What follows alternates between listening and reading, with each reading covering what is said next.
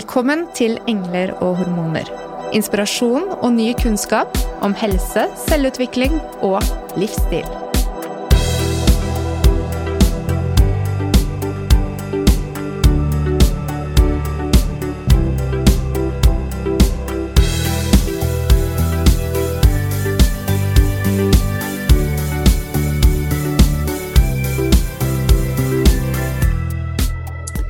I dag skal vi snakke om immunsystemet og virus, og dagens gjest har sagt følgende. Immunsystemet er kroppens mest ukjente organsystem. Alle vet hvor hjertet ligger, og at lungene er viktige for å få luft, og at hjernen kontrollerer både personlighet og kroppens bevegelser. Men hvor er immunsystemet? Og hvilke mekanismer er i sving i kroppen vår når den møter nye utfordringer, som f.eks. koronaviruset? Anne Spurkland er professor i anatomi, spesialist i immunologi og transfusjonsmedisin, og forsker i molekylærbiologi. Hun er også forfatter av boken 'Immun kroppens evige kamp for å overleve', og blogger på immunglimt.no. Hjertelig velkommen til studio, Anne. Mhm. Ja, takk. Eller vårt virtuelle studio, siden vi nå i koronatiden spiller inn for første gang via Zoom. Så Anne, nå har du jo litt eh, bedre tid. Blir det noe kakebaking eh, på din side nå? ja, Man skulle jo tro at jeg hadde bedre tid, men jeg har vel aldri vært så travel eh, som jeg har vært de siste tre ukene. Så jeg har ikke bakt så mye kaker akkurat nå. Men ellers så har du rett i det at det er, har vært pleid å være min fritidssyssel eh, nå i mange år å bake kaker. Fri, frie kaker. For allergikere? Eh, kaker som er fri for en eller annen grunnleggende ingrediens. Ja. Så mm. for, for, de som mangler noe i skapet, og det kan jo være nå i disse koronatider, at man ikke har mel, da kan man bake mine kaker. Det er uten hvetemel. Eh, eller for folk som eh, av forskjellige grunner ikke vil eller kan spise bestemte ting. Mm. Mm. Og det har jo også litt med immunsystemet vårt å gjøre, og det er jo det vi skal prate om i dag. Absolutt. Jo, inngangsporten for mange er jo et immunforsvar som ikke lenger tåler eh, eller aksepterer at man spiser egg, f.eks. Om man er allergisk mot egg, så må man jo lage kaker uten det. da. Ja. Mm. Mm. Men for eh, mange av lytterne våre så er jeg helt sikker på at uh, en del av disse titlene som vi ramset opp i innledningen av, av deg, kan være litt vanskelig, eller litt vanskelig å um, forstå. Ja. ja. Så da kan vi jo begynne med det Hovedarbeidet mitt er å være professor i anatomi, hvor jeg underviser medisinstudenter og ernæringsstudenter og tannlegestudenter i anatomi. Og hvert halvår eksaminerer jeg medisinstudenter i hele kroppens oppbygning. Så de forventes en dag i tre kvarter å kunne fortelle meg hva som helst om kroppens oppbygning. Eh, så det er den eh, biten. Og så er eh, forskningsarbeidet jeg gjør, da, som en del av jobben min, det er å forske på immunforsvaret, og spesielt celler i det tilpassede immunforsvaret. Kanskje vi kommer tilbake til det etterpå. Uh, før jeg fikk jobben som professor, var jeg utdannet som legespesialist i immunologi og transfusjonsmedisin, så jeg har jobbet på blodbank. Og så var det det med blogger og, og, og, kakebokforfattere. kakebokforfatter. Som er fritidsaktiviteten min. Det er, det er, hobbyen min, har vært det nå i en del år. Det er helt fantastisk. Du um, eh, Vi siterte jo deg innledningsvis på at eh, immunsystemet er ukjent. Så vi utfordrer deg på å gjøre det kjent for oss. Hva er ja. immunsystemet? Hva immunsystemet er? Ja. ja jeg, jeg, har snakket mye med folk de senere årene om immunforsvaret eller immunsystemet. og da stiller jeg det som et retorisk spørsmål. Hva, hva slags forhold har man egentlig til dette? Uh, og de fleste har et ganske diffust forhold til hva immunsystemet er, hvor det er.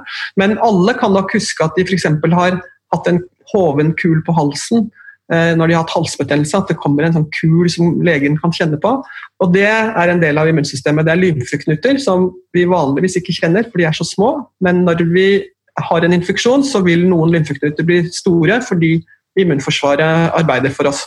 Uh, og så er det et organ som heter milten, som vel de fleste har hørt om. Det er et, uh, et, et slags lymfeknute i blodet, som filtrerer blodet. Uh, så er det et organ som heter thymus, som også er kjent som brissel. Og det er en delikatesse man kan få på restaurant. Kalvebrissel, veldig smakfullt. Veldig godt. Veldig godt, men der er der, det er skolen for tilpasset immunforsvaret. De cellene jeg er interessert i, de utdannes i Brussel. Og så er det beinmargen. Det er et sted hvor alle uh, immuncellene fødes. Uh, de hvite blodlegemene er alle sammen immunceller. I tillegg til det så er det altså mange forskjellige stoffer som er med på dette. Og, og disse hvite blodlegemene mange av de kan også bevege seg rundt i absolutt alle kroppens organer og sjekke at alt er bra. Og så har vi jo hud, slimhinner ja, og Ja, det, det, er helt riktig. Så I tillegg til Eh, det som er knyttet til blodet, så er det også riktig å si at alt av kroppens barrierer deltar i det medfødte immunforsvaret. Så, så det at vi har tett hud, tette slimhinner, at ikke bakterier og virus kan komme tvers gjennom der, det er en viktig, viktig del av det. Og Det betyr også at, at uh, fordi det er en viss mulighet for at bakterier og virus kan komme gjennom disse barrierene, så rett under huden, rett under tarmens overflate og luftveiens overflate, der er det mye immunceller. Veldig mye hvite blodlegemer som da har flyttet ut i vevet, og som ikke kan kalles blodlegemer lenger. Men i fall der sitter de. altså Store deler av immunforsvaret fins i tarmen pga. det. Så hvis det da kommer en reaksjon, hvor starter dette? Hva skjer når immunforsvaret aktiviseres? Ja. Um, det starter uh, alltid med en eller annen form for uh, skade. Hvis det er snakk om en bakterie, så kommer altså bakterien inn i vevet på en eller annen måte. Mens hvis det er en virus, så vil viruset og så komme inn i en av kroppens hulrom, og så fester det seg på cellene, en av cellene våre. Og så tvinger det cellen til å gjøre, at viruset kommer inn i cellen. Så det er to litt forskjellige måter uh, disse mikrobene kan komme seg inn i kroppen på. Men i det øyeblikket, og siden korona er mest aktuell, så kan vi holde oss til det. Ikke snakk om mm. bakterier, ikke snakk om alt på en gang.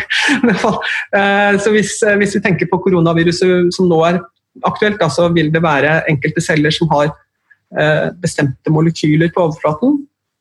Vi vet nå hva de molekylene heter. Det heter angiotensin converting enzyme 2, AC2. Og De cellene som har den molekylet på overflaten, de kan da, eh, der kan viruset feste seg. Så tvinger viruset eh, cellen til å, å, å ta, plukke opp viruset og få det inn i cellen. Altså Med litt mer hendelser så kommer viruset inn i cellevæsken og kan kopieres og lages nye kopier av. Så blir de sendt ut igjen og kan smitte flere celler. Og, Hvor er det disse cellene sitter da? som har de, de, de cellene der ja, de mhm. cellene. Altså, alt, altså, alt, kroppen består av, er celler på en eller annen måte. Så Huden vår består av døde celler ytterst, så det er liksom unntaket. Men alt, alle andre steder er det levende celler. Inni munnen er det levende celler. Nedover i luftveien er det levende celler. Så når viruset kommer inn i, luften, nei, inn, i, inn i, munnen og følger luften, så vil det før eller siden havne på toppen av en, en levende celle, og der er de reseptorene. Mm. Nedover i luftrøret så sitter disse AC2-reseptorene helt ytterst på børstesømmen. Og nede i lungeblærene så sitter de samme reseptorene på lungeblærene. Så, så det, er, det, er, helt ideelle forhold for akkurat denne virusen å feste seg i luftveiene. I tillegg så er den reseptoren også på andre overflateceller andre steder i kroppen. Eh, så, det, så det, det, at man nå vet hvilken reseptor koronaviruset vi kjemper mot nå, bruker, det gir jo også at vi lettere kan forstå hva som skjer når vi blir syk. Så, så AC2-resepter er også, det finnes også på, på, celler i nyrene, det finnes på celler i tarmen, det finnes uh, på celler i hjernen. Uh, og, alle, og, det finnes på, på celler i, i skjoldbruskkjertelen. Så det, det, finnes flere steder. Og alle de stedene er potensielt da uh, sårbare for å bli infisert med dette viruset. Så spørsmålet blir mer hvordan kommer disse fra lungene og til nyrene f.eks. Hvordan klarer det det? Og det kan gå via blodet, eller kanskje muligens ved hjelp av hvite blodlegemer. Det er iallfall noe jeg har begynt å tenke på i det siste. at det kanskje er en mulighet. Men altså, det er en del av de som får koronavirussykdommen, som klager over vondt i korsryggen. Og det kan være fra nyrene. Altså, dette er interessant, fordi jeg vet at du har jobbet med autoimmunitet. og Nå høres det ut mm. som da eh, kroppens egne celler kan være med på å angripe seg selv. Eh, forstår jeg deg riktig da? Mm, nei, da var vel kanskje litt grann kortslutning, men uh, en, litt grann kortslutning akkurat der. Det, som, det som, som, jeg lurer på, og som, som, er litt vanskelig å forstå, men som jeg tror kanskje kan være tilfellet, er denne sykdommen vi har nå, den heter covid-19. Eh, og det betyr koronavirus 2019, altså den kom i fjor. Eh, men den ligner veldig på en annen eh, epidemi som heter SARS, som står for Severe Acute Respiratory Syndrome. Og den epidemien foregikk i 2003 pluss-minus. 8000 mennesker ble smittet. 10% døde. Og det viruset kjenner man jo da litt mer til. Og de som døde av sars, noen av de, hadde virus i de hvite blodleggene. Og hvis det samme skjer med covid-19, så kunne det være en måte viruset blir fraktet rundt på. Men, men eh, hvordan immunceller reagerer på virusinfiserte celler og ikke reagerer på våre egne celler, det er en annen og lang historie som jeg gjerne forteller om også, men eh, vi må ha litt mer bakgrunn før vi kan ta den. Historien fullt ut. Mm. Ja, jeg syns det var litt spennende dette med at det ble fraktet med de hvite blodlegemene. fordi eh, man, Jeg tenker gjerne da at dette er, eh, de hvite blodlegemene er i kroppen vår for å bekjempe Mm. Virus og bakterier. Ja. Mm, mm. Og så er det de som faktisk blir smittet. Altså, eh, jeg må bare understreke, da, siden dette skal bli hørt på av mange, at eh, dette må man jo undersøke nærmere, om det er en tilsvarende sammenheng. altså Om det i hele tatt er mulig. Fordi de hvite blodlegemene har ikke den der reseptoren AC2, så da må det viruset bruke en annen metode for å komme seg inn, og det kan tenkes at det gjør det. Eh, men bare sånn at den saken er liksom parkert litt. Det er litt usikkert. Mm. Men, men at, at, hvite blodlegemer blir infisert av virus, det er jo en kjent sak. Det er eksempler på fra før. Vi kan nevne i fleng hiv. Hiv er en virus som infiserer en spesiell type av disse hvite blodlegemene med katastrofale konsekvenser. De personene som ble hiv-smittet fra starten av, og dere er vel så unge at dere knapt nok var født, eh, de ble oppdaget fordi de hadde alvorlig immunsvikt. Det var unge menn som plutselig kom med de merkeligste infeksjoner, og ganske raskt forsto man at dette var knyttet til tap av en bestemt type hvite blodlegemer, som er helt avgjørende for at tilpasset immunforsvaret skal fungere. Så, så, og Jeg tror ikke vi er der med denne pandemien. Altså. Det, er, det er vi ikke. Men, men det at, at, de hvite blodlegemene kan bli smittet av virus, det er, det er mulig. Men ja. hvordan var Men HIV uh, Unnskyld. Hvordan var hiv uh, i forhold til korona? Altså, hvordan er hiv i forhold til korona som egenskap av virus? Det er ganske forskjellig. Noen ting er likt, men en del er forskjellig. Så Reseptoren for hiv altså Den molekylet som hiv trenger for å komme inn i celler, det er en reseptor som finnes på de hvite blodlegemene. Det er, uh, Den heter kjemokinreseptor, CXR5. Uh, og, uh, og, så går den inn i de hvite blodlegemene. Den er et RNA-virus, sånn som koronavirus er, så den bruker den samme type arvestoff. Mm -hmm. Men hiv er et retrovirus, så det vil, i stedet for å lage masse kopier av seg selv og sende de ut igjen til omgivelsene, sånn som koronavirus gjør, så vil hiv-virus i stedet for lage en DNA-kopi av seg selv. Så den har et enzym som heter reverstranskriptase, som fra RNA lager DNA. Så da har du fått en mer stabil form for arvestoff, som eh, da blir sydd inn i våre eget arvestoff. Så da får du permanent infiserte hvite blodlegemer som vil være infisert til de går til grunne. Uh, og, og, så vil det av og til bli produsert nye virus fra det utgangspunktet. Uh, men de som da lever med hiv, og det er det etter hvert mange som gjør, så får de medisiner som gjør at um, enzymene som kan reaktivere viruset fra der det nå er gjemt i arvestoffet vårt, blir holdt i sjakk. Så da har de viruset, men, men det fins i kroppen deres, men det lager ikke noe skade holdes helt nede. og Da er de menneskene i prinsippet friske. Så man har løst hiv-problemet ved hjelp av medisiner eh, i stedet for vaksiner. For har vi, ikke klart, vi, har ikke klart å lage vaksine ennå til hiv. Men la oss bli litt bedre kjent med de ulike begrepene. Fordi mm. selve viruset, som jeg har forstått det, heter da SARS-CoV-2. mm. som gir sykdommen covid-19. Mm. Ja, det, det stemmer. Ja, det, det brukes sånn om hverandre, og så finnes det flere ulike koronavirus. Det gjør det også. Så eh, nei, altså nå som det bare er ett koronavirus som gjelder for oss, så kan man jo nøye seg med å si koronaviruset. Det som nå finnes her. Eh, og siden sykdommen etter hvert nå er blitt godt kjent som covid-19, så kan man jo si at eh, det er covid-19-viruset. Det vil være mm. ganske greit.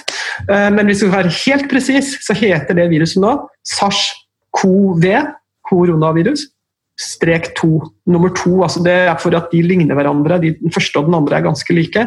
Så for å ha et slags sånn system, da, så har, fått, har, den nye fått et navn som ligner på det gamle. For å vise at de er i slekt. Ikke sant. Og koronaviruset Korona betyr jo krone. Og det, det sier noe om eh, virusets egenskaper. Utseende. Utseende. utseende. Om utseende, ja. Det ser ut Det, det, det, det, heter koronavirus fordi de, det ser ut som den har en krone på seg. Så når du ser dette i, i såkalt elektronmikroskop, som er det man må gjøre for å kunne se det viruset, kan ikke se det i vanlig mikroskop, så ser viruset ut som en liten sirkel, og så stikker det ut sånne tagger på det. Eh, som en krone. Og de taggene, altså de det proteinet som lager de taggene, er eh, avgjørende for at viruset kan komme seg inn i cellene våre. Det er det proteinet som binder seg til AC2, den reseptoren på våre celler. Og de to lager en tett binding. Eh, så, det, de taggene er helt avgjørende for at viruset skal være farlig. Det infiserer oss. Mm. Og kanskje noe av eh, som jeg ble litt eh, fascinert av når jeg leser Immunglimt på bloggen din, eh, mm, Anne. Mm. Eh, der ligger også kanskje noe av svaret på eh, nøkkelen til hvordan vi kan kurere dette. Det stemmer. Så, så, eh, for det første så vil immunforsvaret etter hvert lage antistoffer mot viruset, og da er det hovedsakelig de taggene som er målet for eh, de antistoffene. Det, har jo ikke ennå sagt da, på denne podkasten at immunforsvaret kan deles i to deler. Det som er medfødt, hvor uh, alt liksom er arvet fra foreldrene våre og vi ligner på foreldrene våre, med hud og alle mulige overflater og, og sånt noe. Uh, så noe er medfødt, og noe er tilpasset. Og For å bli immun så må det tilpasse immunforsvaret, som bruker, er helt avhengig av disse cellene som hiv-viruset infiserte. bare så henger ting litt sammen her. De, det tilpassede immunforsvaret må da eh, klare å gjenkjenne viruset og lage antistoffer og drepeceller som fjerner virusinfiserte celler. Det må til, hvis ikke blir vi jo ikke friske så, mm. eh, av det viruset. Så eh, men i de, det vi venter på, det er at antistoffer blir laget, og de vil i all hovedsak rette seg mot de taggene, for det er det som vil hindre infeksjon. Uh, og I tillegg så er antistoffer også uh, så fiffige at de um, er molekyler som kan binde to og to virus, og et antistoff kan binde to virus. Og Siden det er mange tagger på hvert virus, og antistoffer kan binde to om gangen, så kan dere kanskje fort forestille dere at dette kan bli en stor klump hvis det er en del antistoff til stede, så kan det lage viruset til en stor eh, klump som ikke kan gjøre noen ting. Men bare det å feste antistoff på alle taggene vil være nok til at viruset ikke kommer seg inn i cellene våre.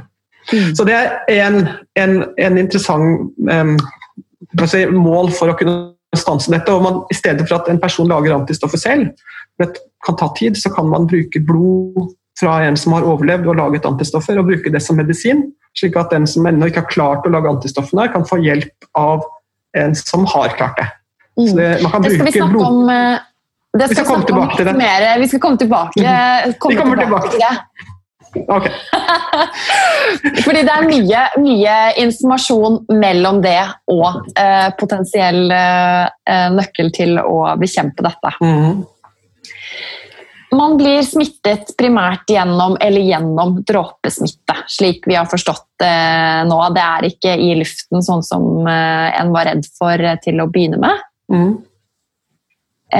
Kan du fortelle litt mer om når koronaviruset da kommer inn eh, gjennom luftveiene? Hva, hva, er det som skjer her? Hva som skjer, ja. Um, nei, altså, som du sa, vi, vi tror ikke at det er hovedeffekten at det er luft, det er dråper. Så enten så har du tatt på noe, eller så puster du inn noe som noen nettopp har hostet ut. Uh, og dette her vil, uh, fordi det er i luften, så vil det virvle nedover uh, Kanskje treffe munnen, kanskje det kommer litt lenger ned. Men det havner iallfall på en av cellene i, i, i, i kroppen. Og der er det allerede et forsvar for å hindre det der. Så, så, hvis vi går litt lenger forbi munnen, bare litt lenger ned, så vil det være slim som dekker overflaten. Og det slimet vil hele tiden viftes opp mot svelget, litt avhengig av hvor det slimet er. Da. Så uh, er det kommet forbi strupehodet og lenger ned i luftveiene, så vil det vifte oppover til strupen, og så hoster man og så svelger man det ned i magen. Så det er hele tiden en transport av slim ved hjelp av silier. Heter silier Eh, sånne flimmerhår.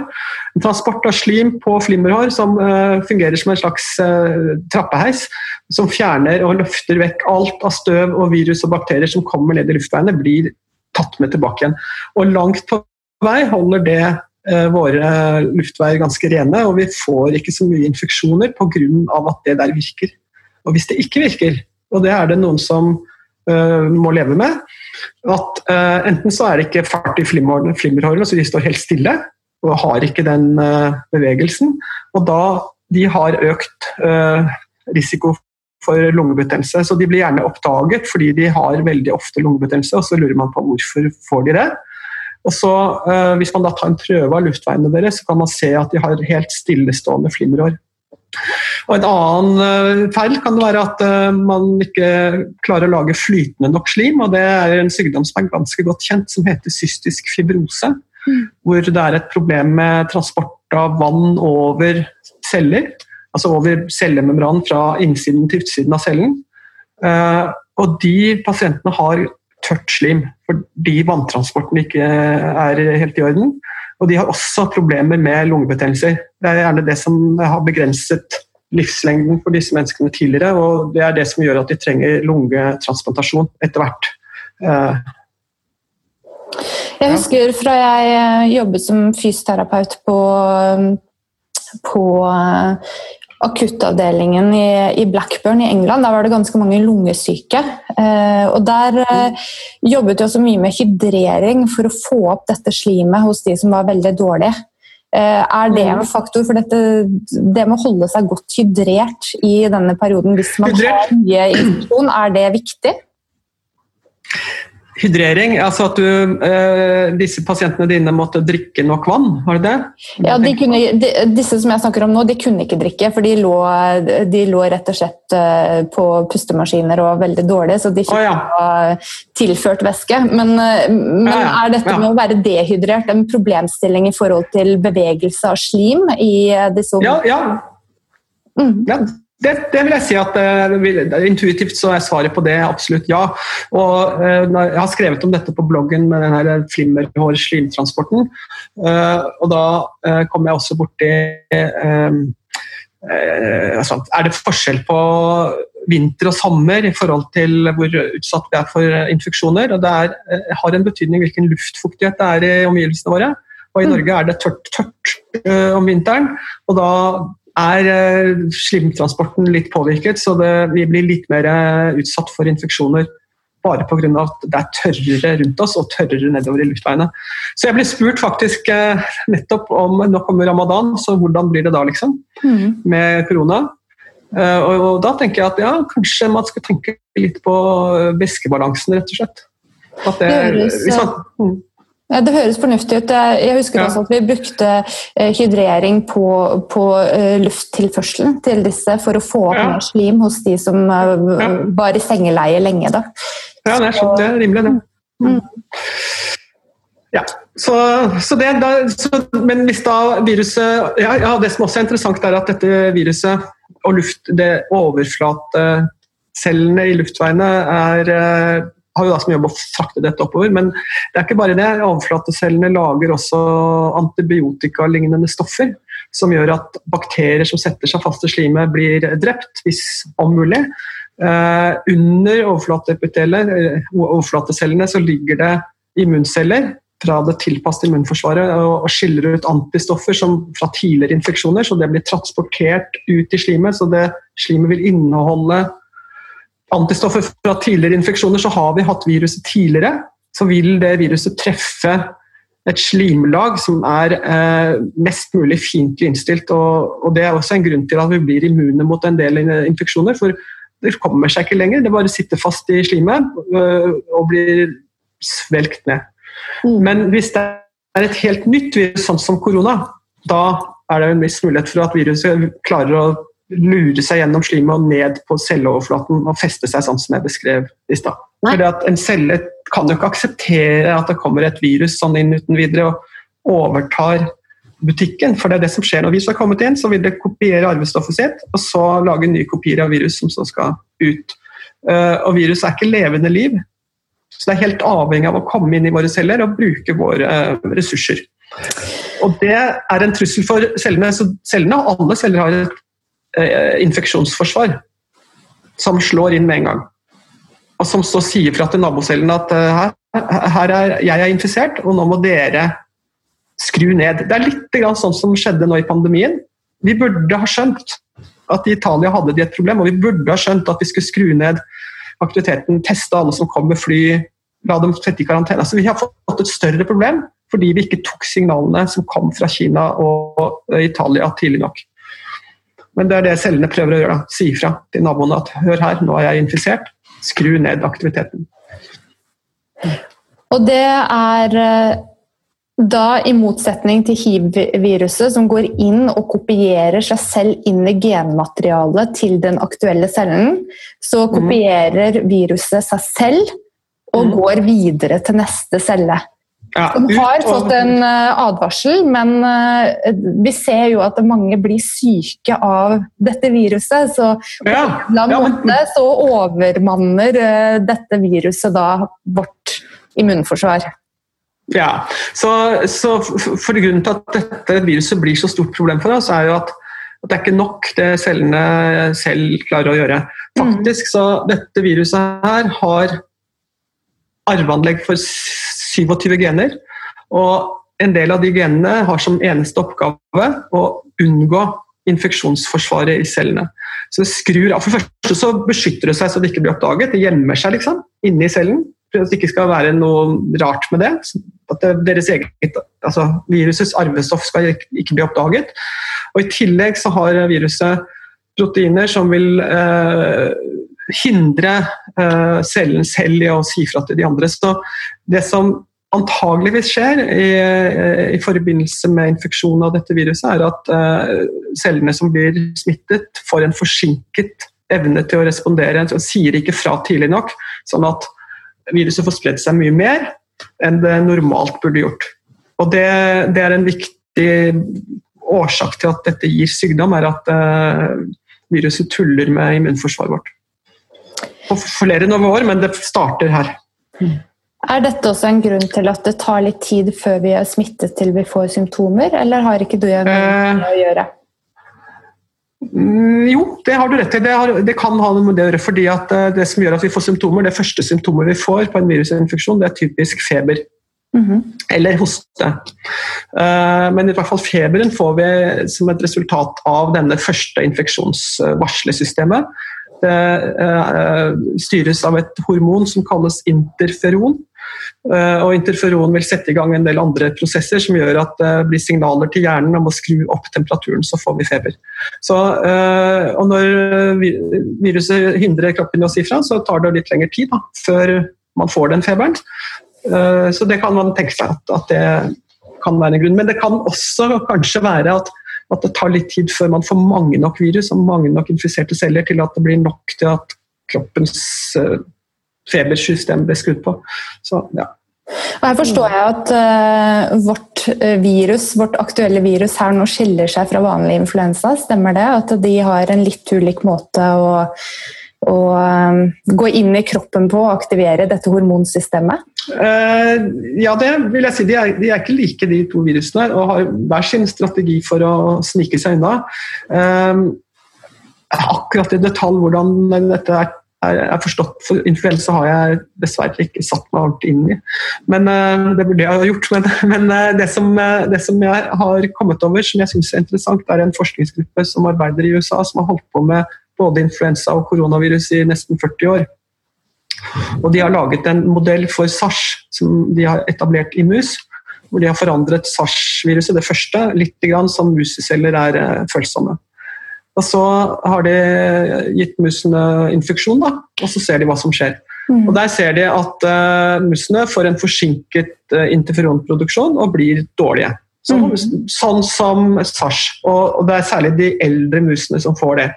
De yngre musene går det bedre med. Mm. Uh, mens uh, og så eh, har de også mus som da ikke kan lage, respondere på interferon, fordi de har gjort dem genetisk endret. Altså, immunologer har masse sånne modeller. Altså, dere aner ikke hvor mange forskjellige mus som fins med forskjellige genfeil. og Det er helt fantastisk for, fantastisk for immunologer, men ja, altså. Dette er veldig nyttige mus, og mus som da mangler evne til å reagere på interferon, og så får det samme viruset blir ikke noe særlig syk. Mm. Så det, det, ser ut som, og det er veldig overraskende, det ser ut som om interferonet blir feil. Når det kommer for seint, så gjør det mer skade enn gagn. Mens når det gjelder SARS, og dermed kanskje covid-19 Men når det gjelder influensa, mm. så de musene som ikke kan reagere på interferon, de blir steindårlige av influensa. Ja. Så det er en forskjell på hvordan de to virusene klarer å manipulere immunsystemet, som da eh, faktisk gjør at de, ja, de, de, er faktisk en god del forskjellige, både influensa og sars. Kan jeg spørre om én eh, ting til også, som jeg faktisk ikke forstår? Men jeg har jo ingen andre å spørre enn deg. Nei. Eh, jeg leste at de oppdager mange mutasjoner av dette mhm. viruset på Island når de undersøker eh, koronaviruset. Mm. Så når dette viruset da muterer, hva mm. betyr det egentlig for behandlingen? Er det slik For jeg må si på det du forteller nå, så høres dette viruset allerede supersmart ut. Mm. Hva Utviklingen i dette går så raskt. Hva kan vi vente oss? Ja, det er et veldig godt spørsmål som eh, vi absolutt gjerne vil ha et svar på. og eh, det du spør om er Kommer viruset til å forandre seg såpass mye og såpass fort at det hjelper ikke å bli immun av den første infeksjonen, for neste gang kommer det en annen variant og så må mm. vi ta en ny runde. Det ser vi ved influensa. så Hvert år kommer viruset tilbake og er litt forskjellig. Så hvert år så vil vi måtte ta influensavaksine, en del av oss. I hvert fall de som er i risikogrupper. Og det er fordi viruset kommer tilbake med en variasjon som gjør at vi er ikke fullt beskyttet. Det kommer sannsynligvis ikke til å skje med koronavirus, fordi det er Eh, det er litt nøye på det. Det er et virus som er litt nøye, som har med seg eh, enzymer for å passe på at det blir ganske nøyaktig kopiert.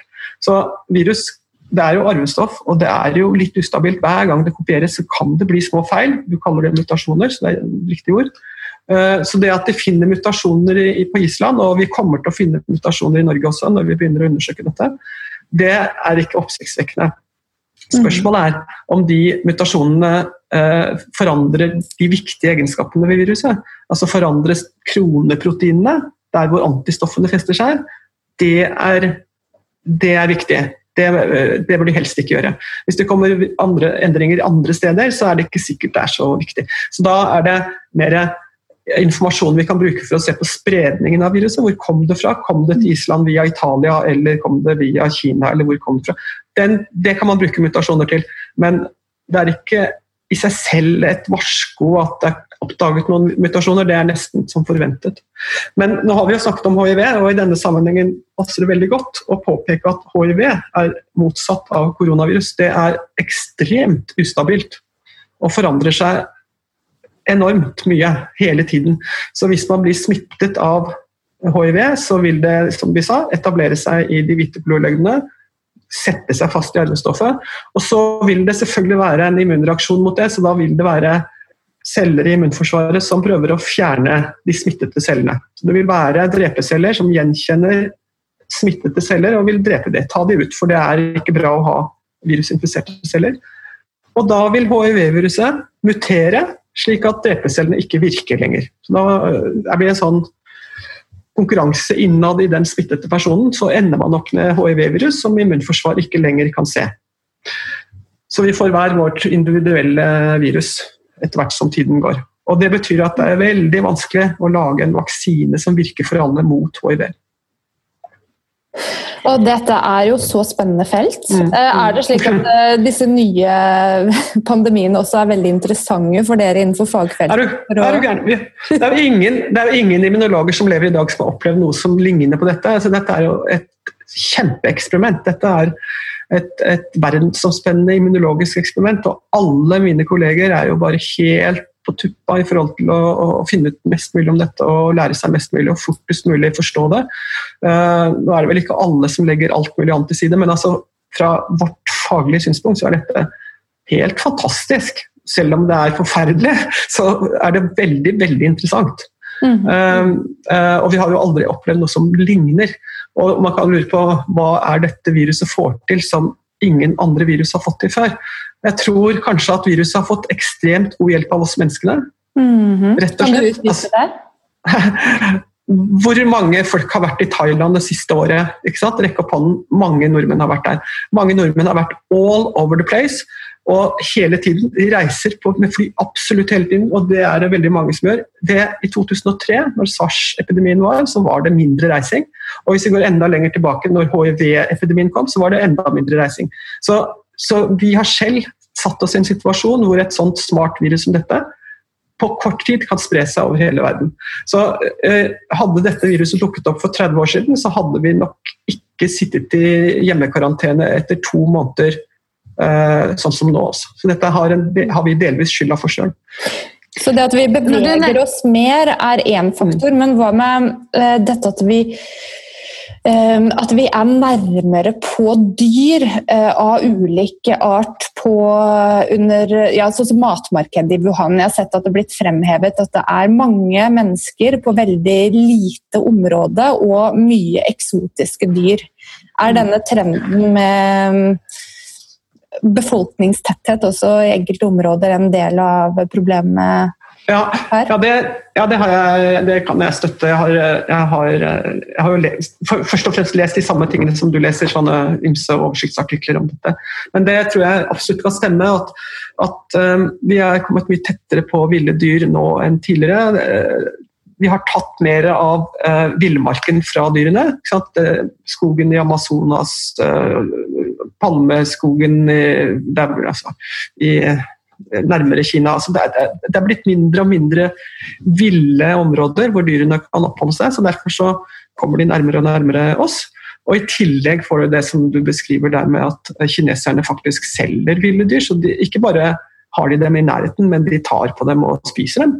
Ja. Um, og, og da er det jo Dyr er et reservoar av virus som vi mennesker ikke har hatt før. Og en del av de sykdommene vi faktisk har, som vi nå har vaksine mot, og som vi kjenner som barnesykdommer, de kom inn i menneskehetens liv i forbindelse med husdyrene. Når man begynte å leve tett sammen med dyr, så fikk vi en del av disse zoonosene. Så de første menneskene som tok uh, i bruk dyr, vil helt sikkert ha fått noen infeksjoner som de måtte tilpasse seg, og noen døde selvfølgelig av det. Uh, men de som overlevde, ble tilpasset det. Eh, men nå ser vi en ny sånn tilsvarende tilpassing til ville dyr, og det tror jeg ikke vi kommer til å klare å tilpasse oss, for det er så mye av det. og vi, ja, det, ja, dette er en potensiell vedvarende trussel. Vet vi noe om akkurat hvordan hvor, altså For det oppsto her i Wuhan, men vet vi akkurat hvordan det skjedde? Hvordan overføringen skjedde? Nei, det er ikke helt klart. Eh, men det er jo eh, isolert en del koronavirus fra eh, flaggermus, som er undersøkt, så man vet akkurat hvordan de, hvordan de genene ser ut, altså sekvensen av det. Og de er sånn 95% lik som den koronaviruset vi nå sliter med. Men ikke helt. Det er noen forskjeller. Og så, så Da tror man at koronaviruset har startet i flaggermus, men så har det hatt en stopp mellomperson, mellomdyr, uh, før det kom til mennesket. Og så vet man ikke hvilket dyr det uh, har vært. Men uh, det finnes et annet dyr, beltedyr, som heter pangolin, som er noe av de dyrene de selger på det markedet, som også har koronavirus. Og som også ligner noe på dette viruset vi sliter med. Og Da kan det se ut som det har skjedd en slags kombinasjon av de to, og så er det til og med kommet en ekstra liten forandring som gjør at av en, av en eller annen grunn så er dette viruset blitt ekstremt uh, effektivt og smittsomt. Og den uh, Forandringen der er unik. Man har hittil ikke funnet noe dyr som har den forandringen, så hvordan den oppsto, skjønner man ikke. Nei, Det blir spennende, spennende mm. å følge videre. Men ja. så er det jo sånn at denne, denne sykdommen, covid-19, den mm. Eh, bringer jo med seg ja, alt fra å være, bli kun småsyk, nesten ikke mm. merke symptomene i det hele tatt, til mm. å bli dødssyk. Mm. Og hvorfor det? Og hvorfor er det sånn? Ja, Vi kan jo ikke svare på det ennå, fordi uh, uh, hver gang jeg snakker om dette, og det har jeg gjort mye de siste tre ukene, så, så må jeg jo minne om at dette er en helt ny sykdom. Første gang observert i desember i 2019, så det er jo si, tre og en halv måned siden. Uh, og, og, de første store antall smittede var i Kina. Eh, så det er først eh, liksom, i februar at det begynte å komme tilfeller nærmere oss. Og, det første tilfellet i Norge kom i uke ni, som fortsatt bare er tre og en halv, fire uker siden. Så vi har jo nesten ikke hatt tid til å se de der pasientene, så det er mange, mange ting vi ikke vet. Og veldig mye vi kommer til å lære de neste ukene og månedene. Men sånn, på generelt grunnlag så kan man jo påpeke at um, for det første så er det en aldersforskjell i hvordan uh, unge og eldre håndterer infeksjoner. Denne forskeren jeg refererte til i Iowa, som har jobbet med denne type infeksjoner i mange år, han ser en aldersforskjell også hos mus. Så unge mus tåler dette vesentlig bedre enn uh, eldre mus. Det han også har sett, som jeg ikke har nevnt ennå, det er at eh, det er avhengig av hvilke gener musene har. Så immunologer vi elsker mus. Rett og slett bare elsker mus, fordi de er så lette å holde. De får barn hver tredje uke og har, er tilstrekkelig store til å undersøke immunforsvaret, men tilstrekkelig små til at det er billig å ha dem. Så, så allerede for 100 år siden begynte immunologer å bruke innavlede mus som var eh, krysset så de var eneggede tvillinger, selv om de var eh, søsken. Ja. Uh, og Da har vi mange forskjellige stammer med helt like gener innad i stammen, men forskjellige på tvers av stammene. og Noen stammer er ikke syke av dette. Så de har gener som gjør at de ikke merker det viruset i det hele tatt. Mens andre stammer blir syke, men hovedsakelig da de eldre. Mm. Ja. For du nevnte SARS ja, i stad. Akutt respiratorisk syndrom. Ja. Severe acute, ja. Um, Severe acute respiratory syndrome. Yes. yes. Er, vi, kan, vi, kan, kalle det akutt lungesvikt. Da. Det, det er det det akutt lungesvikt, for det er jo det en dør av. Ja, det er det folk dør av. Eh, så, så det, dette blir hele skalaen fra å ikke merke noen ting, til å faktisk drukne egen, i sine egne lunger. Så denne akutte mm. lungesvikten pasienter med SARS fikk, og som pasienter med covid nå får, det er litt Litt forskjellig kan det være, men i fall som en hovedsak så blir det altså stor lekkasje av vann inn i lungene fordi signaler fra immunsystemets celler eh, påvirker blodårene slik at de blir lekke, og så renner det vann inn. Man kan tenke på hvis du får et kutt i fingeren, hva skjer da?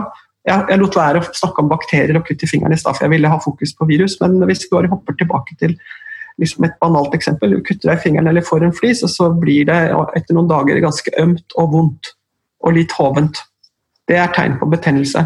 Og den Hevelsen i fingeren er jo avgrenset av huden, og sånn, men i lungene så vil en hevelse i lungene det ende med vann i lungene.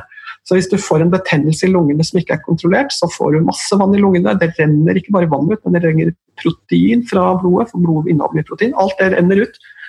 Og, og, gjør at du ikke klarer å få puste nok. Altså det, gassvekslingen i lungene som er avgjørende for å leve, den blir vanskelig eller umulig, og da, da dør du av det. altså. Mm. Sånn er det. Mm. Ser man at dette er noe som skjer totalt på hele lungen, eller er det mer definert til enkelte lungelapper og deler av lungene? Ja, Det er et godt spørsmål, fordi det ser ut som at det kan, hos de som ikke blir så steindårlige, så skjer det bare flekkvis i lungen. Og Lungen kan du nesten tenke på som en slags drueklase. En veldig, veldig små druer, da. Men i hvert fall eh, det er segmenter, sånn at eh, når luften kommer ned, så koordineres de ulike segmenter av lungene. og du kan tenke deg at Ett segment, som bare er en liten del av lungen, kan ha en lokal betennelse med den lekkasjen, mens andre deler av lungene er egentlig ikke affisert. Hvis ikke det kommer virus der, da. Så Hvis mm. viruset sprer seg overalt, så blir det overalt. Men, men man har sett det at selv barn som eh, er helt upåvirket av eh, covid-19. Når man vet at de er smittet og ser på lungene deres, så har de også tegn på at de har små eh, lommer av affeksjon i lungevevet. Selv om de ikke merker noe. Så, eh, så det er helt riktig. Det her Lekkasjen som jeg beskriver, den kan skje da lokalt. Og det er selvfølgelig et problem, men det, man dør ikke av det. Men hvis det skjer i store deler av lungen, så må du på respirator, og, og i verste fall dreper det deg. Ja, og Det er jo da naturlig å se at disse i risikogruppene som har nedsatt lungefunksjon eller nedsatt hjertefunksjon, som påvirker det lille kretsløpet, og røykere og alle som har gjort noe som setter ned lungekapasiteten, er i risikogruppene. Men mm. eh, det er jo ikke dette alle dør av. Er det det? Fordi... Hva tenker du på? Nei, altså du kan si sånn det, ja. Det, det, det, jeg beskrev nå, er det som er knyttet til selve viruset, og hvordan immunforsvaret og viruset måtte interagerer. Så du kan dø av det. Men i tillegg så er det det aspektet som gjelder for alle virusinfeksjoner i lungene. Det er at eh, virus eh, vil skade veggen i lungene, vil lage åpninger i vevet. Altså den fine forsvarsbarrieren som kroppen har, med slim og flimmerhår og alt det der. Og nede i lungeblærene så er det eh, Det er ikke slim der, men det er overflatevæsker som skal holde lungene utspilt. De vil også være bakteriedrepende. Men, men, i hvert fall, i det øyeblikk det blir skader på det, så kan jo bakteriene komme inn i vevet og, og, lage en betennelse. Bakterier i vevet det blir reagert på umiddelbart. Og, og det øh, kan da være det som ender opp med å drepe pasienten. Så mange som dør av influensa i Norge i løpet av året altså På vinteren så er det en del øh, eldre mennesker som dør av influensa. så er det veldig ofte bakterieinfeksjon i lungene på toppen av en influensainfeksjon. Uh, som er det endelige, endelige dødsstøtet. Og her er det jo her dette med antibiotikaresistens kommer inn. Når vi ser, ja. på, ser, både til Italia og til Spania, så har de en eh, ekstremt mye høyere dødsrate enn hva vi har her hjemme eh, per ja. dags dato. Um, det var Eiliv Lund en eh, professor i eh, epidemiologi eh, som skrev i VG eh, i går, var det vel, mm, mm. om akkurat dette. Det stemmer. Det er flere som har påpekt at den store dødeligheten for covid-19 i Italia og i Spania, som, og det er skremmende høye tall, det kan skyldes at på de sykehusene der, som da har disse respiratorpasientene, veldig dårlige pasientene, at der, hvis hvis de pasientene får bakterieinfeksjon, så klarer de ikke å behandle uh, de pasientene adekvat fordi så mange bakterier er resistente mot antibiotika. Og så er det jo litt eldre folk som er skrøpelige i utgangspunktet, så da tåler de ikke Da, da dør de av det. Så det er en interessant perspektiv, det. Og, og, og, da kan vi jo være veldig glad i Norge for at her har vi klart å holde igjen eh, på antibiotikabruk og blitt mer bevisst på det også de senere årene. slik at vi skal unngå å komme i en situasjon hvor vi ikke kan behandle pasienter med bakterieinfeksjoner. Det er mange kategorier av pasienter som har behov for at det er mulig. Kreftpasienter får behandling som fjerner immunforsvaret midlertidig. Og da vil ikke de overleve i mange tilfeller hvis de, hvis de, ikke kan få antibiotika som kan dekke dem opp i den mest sårbare fasen. Uh, så ja, det er, det er et poeng. Hvis vi ser på dødsraten, så er det 0,8 i Norge i dag mm. per 100 000 innbyggere, mot hele 21,8% i Italia og 21,4% i Spania. Så det er jo en, en voldsomt stor differanse der. Ja. ja. Det som Eilif Lund også påpeker i sin uh, kronikk, uh, det er at uh, dette reflekterer også delvis alderssammensetningen i de landene. Så I Norge så har vi fortsatt en relativt ung befolkning i forhold til Italia særlig, men også kanskje Spania. Italia har hatt en veldig lav fødselsrate i mange år, sånn at det er forholdsvis færre unge mennesker i Italia enn det er i, i Norge. Eh, og I tillegg så er Italia mer trangbodd. Mye folk har dårligere råd. Mange bor med sine gamle foreldre i trange leiligheter, så man kommer tett på hverandre. Så det der social distancing som vi nå prøver å få til her, det er ikke lett i Italia. Og dessuten starta de med det for det seint også. Så, så, så, det er flere forhold som gjør at Italia kommer dårlig ut her. Også. Uh, og som gjør at vi i Norge sannsynligvis slipper bedre, lettere unna ja. Så vi har sett litt på immunsystemet og hva som skjer når vi mm. får en eh, virusinfeksjon. Og jeg må bare si at I dag så er det søndag 5. april, så alt vi mm. snakker om i dag er på bakgrunn av det vi vet i dag. Eh, så alle som lytter til dette, og kanskje litt frem i tid, dere må også følge med på rådene fra helsemyndighetene, for dette kan endre seg. Ja, det, er, det, er viktig, det, er, faktisk et viktig poeng. og jeg har nå Siden vi kom i lockdown for tre og en halv uke siden, eh, jeg har ikke kunnet være på jobben, det er stengt ute derfra. Jeg har måttet undervise studentene ved hjelp av Zoom, så der er jeg blitt ganske god. Og I tillegg har jeg snakket masse med journalister, og jeg ser jo over disse tre ukene at mitt fokus er blitt litt annerledes, og journalistenes fokus er blitt litt annerledes. Og jeg har lært litt mer underveis, og, og hele verden har lært litt mer. Så, så, det vi sier i dag, det kan forandre seg om ganske kort stund. Og det, det, igjen, for å referere hvordan jeg ser på dette sånn fra et faglig perspektiv, så er det jo rasende spennende. Vi er med på et forskningsprosjekt alle sammen. Sånn er det å forske. Vi vet ikke svaret, og vi jobber dag for dag og skaffer mer informasjon. Det det, nå foregår dette i kjempeskala, det som jeg gjør hver dag og har gjort i, i 25-30 år. Det er spennende. Men der sitter du med ditt fagfelt. Hvordan har kollegaene dine som er eh, på lange vakter på Ullevål og Rikshospitalet det? Har, du noe kontakt med noen av de om hvordan de har det? Eh, jeg kjenner ikke noen helt konkret som jeg har snakket med som jobber, jobber klinisk. Altså, jeg vet jo at noen av mine gamle kullkamerater jeg eh, jobber der, men jeg har ikke snakket direkte med dem. Men jeg har en, en venninne som jobber eh, i en privatpraksis, og hun fortalte meg litt om hvordan hun drev. Hun tok fortsatt imot pasienter, men eh, passet på å sprite overflater og som pasienten hadde tatt på. Hun ringte til alle og spurte om de var friske, fikk ikke komme hvis de ikke var friske, uh, osv. Um, og hun fortalte også at uh, de som jobber klinisk da og er midt oppi det, som selvfølgelig blir eksponert, og som selvfølgelig løper en risiko for å bli smittet. Eh, de oppdaget for noen uker siden at klorokin antageligvis gjør at viruset ikke så lett kommer seg inn i cellevæsken. Altså, du kan ikke hindre bindingen til reseptoren, som vi snakket om i stad, men du kan kanskje hindre at viruset ikke da etterpå stuper inn i cellevæsken og begynner å kopiere seg selv. Så en del eh, leger som plukket opp dette for tre-fire uker siden, begynte å ta klorokin eh, på eget initiativ for å Eh, prøve å forebygge en mulig smitte. Da. Og det, hadde jeg jobbet klinisk, så hadde jeg også grepet til et sånt eh, middel. For det er en medisin som jeg har brukt uh, når jeg har vært på tur i Afrika, så hvorfor ikke nå? Hvis man tror at det kan være en hjelp i det. For det er malariamedisin? Det er malariamedisin. Men ellers så, ellers så Jeg har indirekte fått et inntrykk av hvordan de har det på sykehusene på den måten at fire dager inn i lockdown, altså mandag-tirsdag den uken når vi satt hjemme og ikke kunne gå på jobben, så kom det en e-mail fra sjefen som sa at uh, dere må ta fram alt dere har av smittevernutstyr som ligger eh, på laboratoriene, for nå vil sykehuset ha det, for de har ingenting. Og Da ble jeg litt betenkt også, at de måtte komme og be om det hos oss, som tross alt er alminnelige forskere som ikke har noe spesielt stor smittelager. Uh, de, de bare støvsugde alt som var i Oslo fordi de hadde for lite. og det skremmet meg. Og jeg håper virkelig at etter denne erfaringen her, så gjør vi mer som finnene og har et ordentlig lager med, med smittevernutstyr som da hele tiden rullerer, så man ikke kommer i noen lignende situasjon igjen. fordi det, det er bare flaks, ren og skjær flaks, at dette viruset tross alt ikke er mer dødelig enn det er. Det kunne godt ha vært omtrent det samme, men at uh, dødeligheten var høyere. Og da hadde dette vært aldeles katastrofalt. Nå er det jo sånn at uh, liksom, ja, ja, det går jo ganske bra.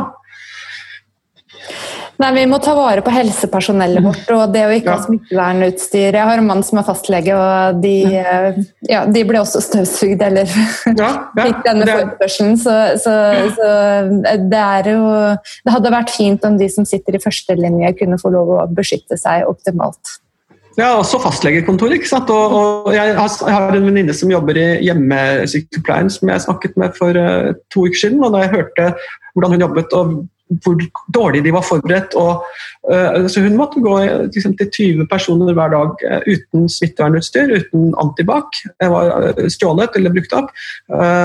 og hvis en person da begynner å smitte pasientene, så kommer neste hjelper som da ja, det er jo helt håpløst. Det er så. helt håpløst. Og vi ser jo det at i Oslo så er 50% av alle sykehjemmene er, eh, er det smittet. Er det ja, og det, det, er nesten utenkelig at, at, man klarte å unngå det. Ikke sant? Så nei, det er mm. ja, ja. Vi heter jo engler og hormoner, eh, mm, Anne. Mm, mm, mm. og vi er litt opptatt av dette som har med forskjeller på kvinner og menn å gjøre. Ja. Er immunforsvaret likt hos kvinner og menn?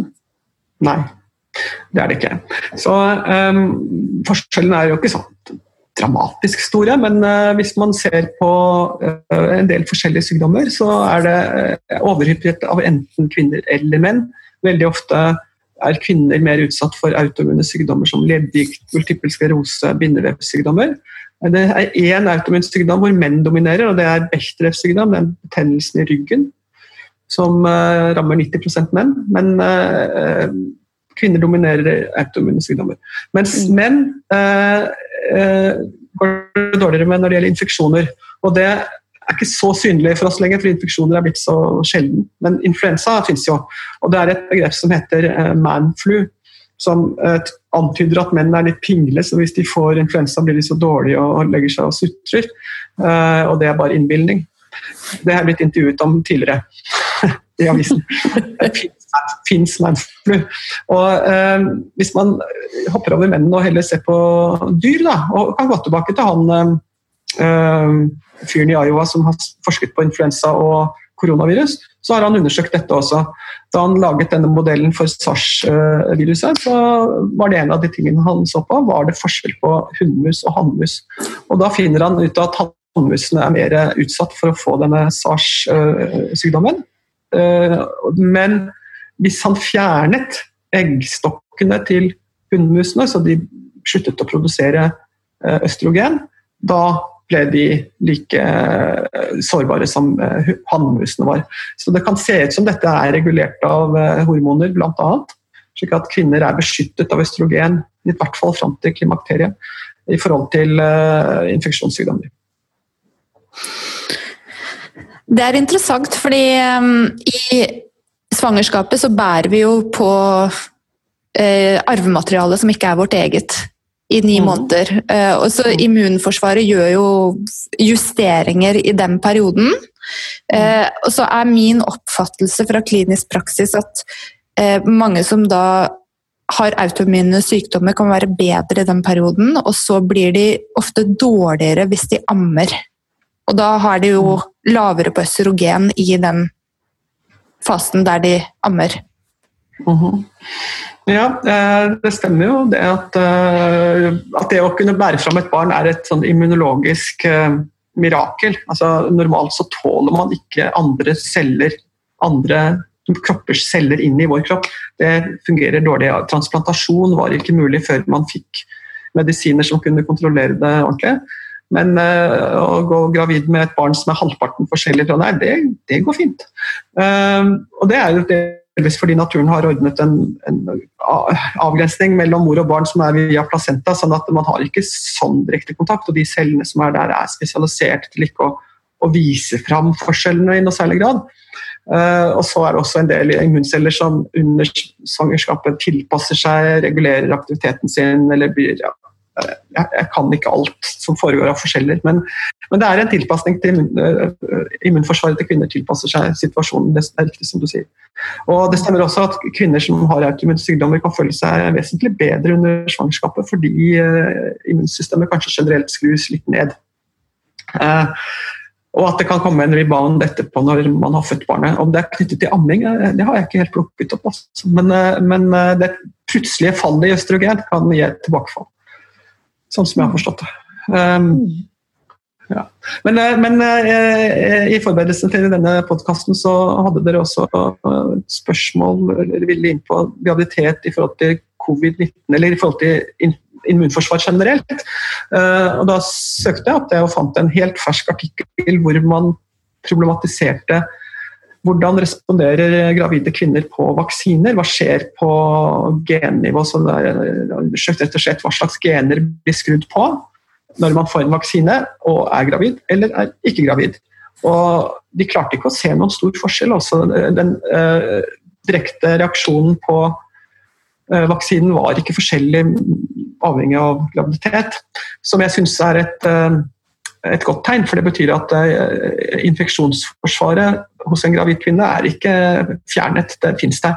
Så det er mer det at eh, hvordan man håndterer akkurat fosteret, det, det, det, er nok en forandring på, men, men, man klarer å håndtere infeksjoner relativt greit. Men, men, så sjekket jeg enda litt til når det gjelder influensa, og der, der sto det i en oversiktsartikkel at uh, gravide kvinner hadde økt sjanse for et alvorlig forløp av influensa. Så fullstendig likt er det nok eh, ikke. Man betaler nok en pris for å være gravid. Mm. Hva er ditt uh, råd til oss da, Anne? Så helt avslutningsvis, uh, vi som skal ut i samfunnet og leve og ja, komme oss gjennom denne krisen. ikke kan sitte i lockdown hele tiden. Ja, eller bare de som... disse fantastiske virusene fra den andre siden, vil jeg si. Ah, ja. eh, nei, hva slags råd man kan gi? Eh, det første så syns jeg man skal ha respekt for dette viruset, covid-19-viruset. Eh, den sykdommen er så variabel, og man vet ikke på forhånd hva det er som faktisk avgjør hvilken vei det går. Så selv jeg som føler meg frisk, alltid vært frisk, jeg stoler ikke på at hvis jeg får det viruset der, så vil jeg fortsatt håndtere det fint. Altså, den tidligere erfaringen jeg har, er ikke sikkert virker nå. Så jeg tenker at det er et sjansespill. Vil helst unngå bli, jeg ville helst ikke få covid-19 hvis jeg kan unngå det. Og Da må man vaske hendene sine grundig. da. Passe på å vite hvor hendene er. Vaske de når man kommer hjem, vaske de underveis eh, når man har sjansen. Ha med seg antibac. Eh, Eh, en venninne av meg fortalte at hun hadde fått råd om å vaske ansiktet også. Så jeg tenker at ja, kanskje når man kommer inn at, at har du blitt liksom gått gjennom kommet borti andre mennesker, så kanskje vaske ansiktet og få støv derfra vekk også, så du ikke gnir det videre inn i munnen hvis det er virus der. Um, og holde avstand til alle. Uh, selv venner. Passe på at man ikke klenger seg inn på folk lenger.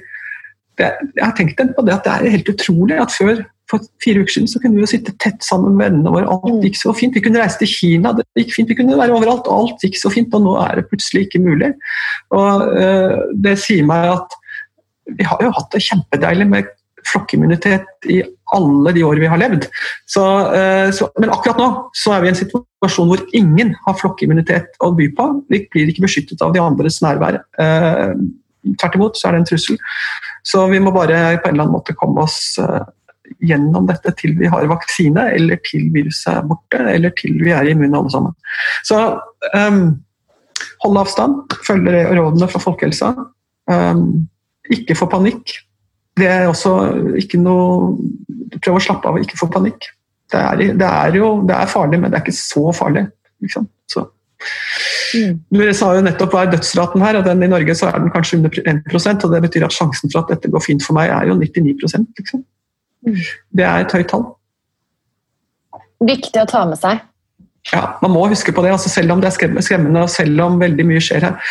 Den viktigste grunnen til at vi sitter i denne situasjonen hvor vi må snakke over Zoom, og hvor Norge fortsatt er i lockdown og vi må ha påsken hjemme, det er fordi helsevesenet vårt ville ikke klart å håndtere en gjeng med dødssyke mennesker med covid-19. Det hadde ikke gått. Og da hadde flere dødd. Så for å unngå det, så har vi gått i lockdown for å, å liksom prøve å tynne smitten utover, slik at helsevesenet klarer for første å få opp smittevernutstyret sitt. Altså Det at de måtte spørre oss for tre uker siden, det var jo bare helt krise. Det er ikke fullt så gærent nå. Uh, nå har de fått rigget avdelingene sine, så nå vet de hvordan de skal organisere. Når det kommer flere, så vet de at de skal der og de skal der. Uh, så alt går litt bedre nå, og da kommer vi nok til å kunne slippe litt ut i verden igjen. Da håper jeg likevel at man husker på at dette er, det er en grunn til at vi har tatt dette alvorlig, og det er at det er en alvorlig sykdom som vi vil ha minst mulig av på en gang. Og så dette med at du helst vil slippe å bli syk. Det har du også skrevet litt mer om. Eh, ja, det kom, ja, I den uken som var, så skrev jeg, satte jeg meg ned og skrev eh, en tekst som eh, Harvest magasin ville ha, som handlet om hvordan jeg ser på den sykdommen nå etter tre uker med å ha lest meg opp på hva dette er for noe. Og og det, jeg har jo nevnt noe av det, de poengene nå allerede sammen med dere, men jeg kan jo bare gjenta det. Altså det At dette ikke bare er en lungeinfeksjon, men at det også kan spre seg til andre organer, har jeg festet meg ved. som jeg tenker at det, Ja ja, det høres ikke bra ut. Eh, det at eh, jeg har fått en forståelse av at sykdommen SARS, og dermed også covid-19, kan ha noe med hvordan viruset manipulerer med eh, førstelinjeforsvaret, altså det første som skjer i cellene, det blir skrudd av av viruset, og dermed så blir det utakt i maskineriet. Jeg kan sammenligne med, med eh, Filharmonisk orkester i Oslo. Du går på konsertsal der, og det er fantastisk lyd. Det er jo bare helt utrolig hvordan alle disse menneskene kan spille samtidig, og det blir vakkert å høre på. Men det blir bare vakkert fordi det står en dirigent der, og at alle blir satt i gang på den rette tiden. Så hvis de ikke hadde blitt satt i gang til den rette tiden, og bare spilte så godt de kunne når de mente at de skulle, så kan jeg forsikre det høres aldeles forferdelig ut, og det kan være som du orker ikke å ha det på ørene. Og Det samme kan man tenke seg med SARS, at det blir en eh, Du får ikke i gang de første signalene som er liksom, for å få dette orkestrert sånn at det blir en prosess, et immunforsvar i balanse som klarer å håndtere viruset og gjøre oss friske. Med denne sykdommen her, så ser det ut som om, om det ikke skjer. og på forskjellige nivåer. Det starter med starten, at der får vi ikke den raske reaksjonen, og det fortsetter videre i, i neste runder. slik at uh, Mitt inntrykk av denne sykdommen er at det er uh, en sykdom som skyldes uh, ubalanser i immunforsvaret, immunologisk kaos. Og jeg for min del, hvis jeg kan velge, så vil jeg heller slippe en sykdom hvor jeg risikerer immunologisk kaos. Altså Jeg vil ikke ha den uforutsigbarheten og leve med det i flere uker. Er jeg ferdig med dette, eller kommer immunforsvaret og slår meg ned igjen en gang til? Så, så da vil jeg heller raskt få en vaksine. Vaksiner har også sine sider, og det kan være at det er bivirkninger, men jeg håper at uh, vaksine mot uh, covid-19 vil vise seg å være akseptabelt trygg, slik at vi kan raskt få vaksinert Eh, de som ikke har blitt syke, og så forhåpentligvis få flokkimmunitet på den måten, i stedet for å spille immunologisk rulett med befolkningen. Som er det vi vil gjøre hvis vi skal la dette løpe eh, fritt. Det, og det har jeg fått mye oppmerksomhet på i dag, det kan jeg forsikre. Den eh, Innlegget kom klokken åtte på morgenen, og før eh, klokka tolv så måtte jeg, jeg har bare brukt tid på det i dag. Sittet og kommentert og sett hvor, hvor dette har havnet. Og jeg har fått henvendelser fra både den ene og andre kanten. Så jeg tror både for meg og Harvest er dette all time high viral, eh, viral spredning av et innlegg. Vi begynte å lure på hva er R0 for denne artikkelen. Så Virusspredningen er jo målt i R0, og for covid-19 er det 2,3. Men for denne artikkelen så tror jeg det er oppe i 10 eller noe sånt. Altså, det er nesten som meslinger. ja.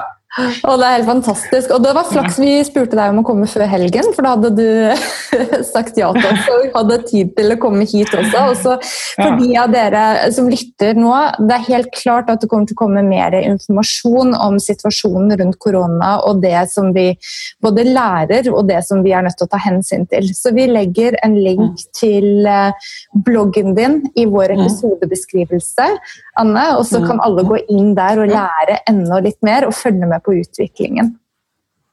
Ja, det setter jeg stor pris for. Tusen hjertelig takk for at du tok ja. deg tid eh, til å lage denne episoden sammen med oss. Mm. Og så er det jo påskedager, da, selv om det er en litt annen påske enn hva en er vant til. Mm. Så gjør det beste ut av det, og mm. kos deg litt ekstra disse dagene her. Mm. Så høres vi. God påske!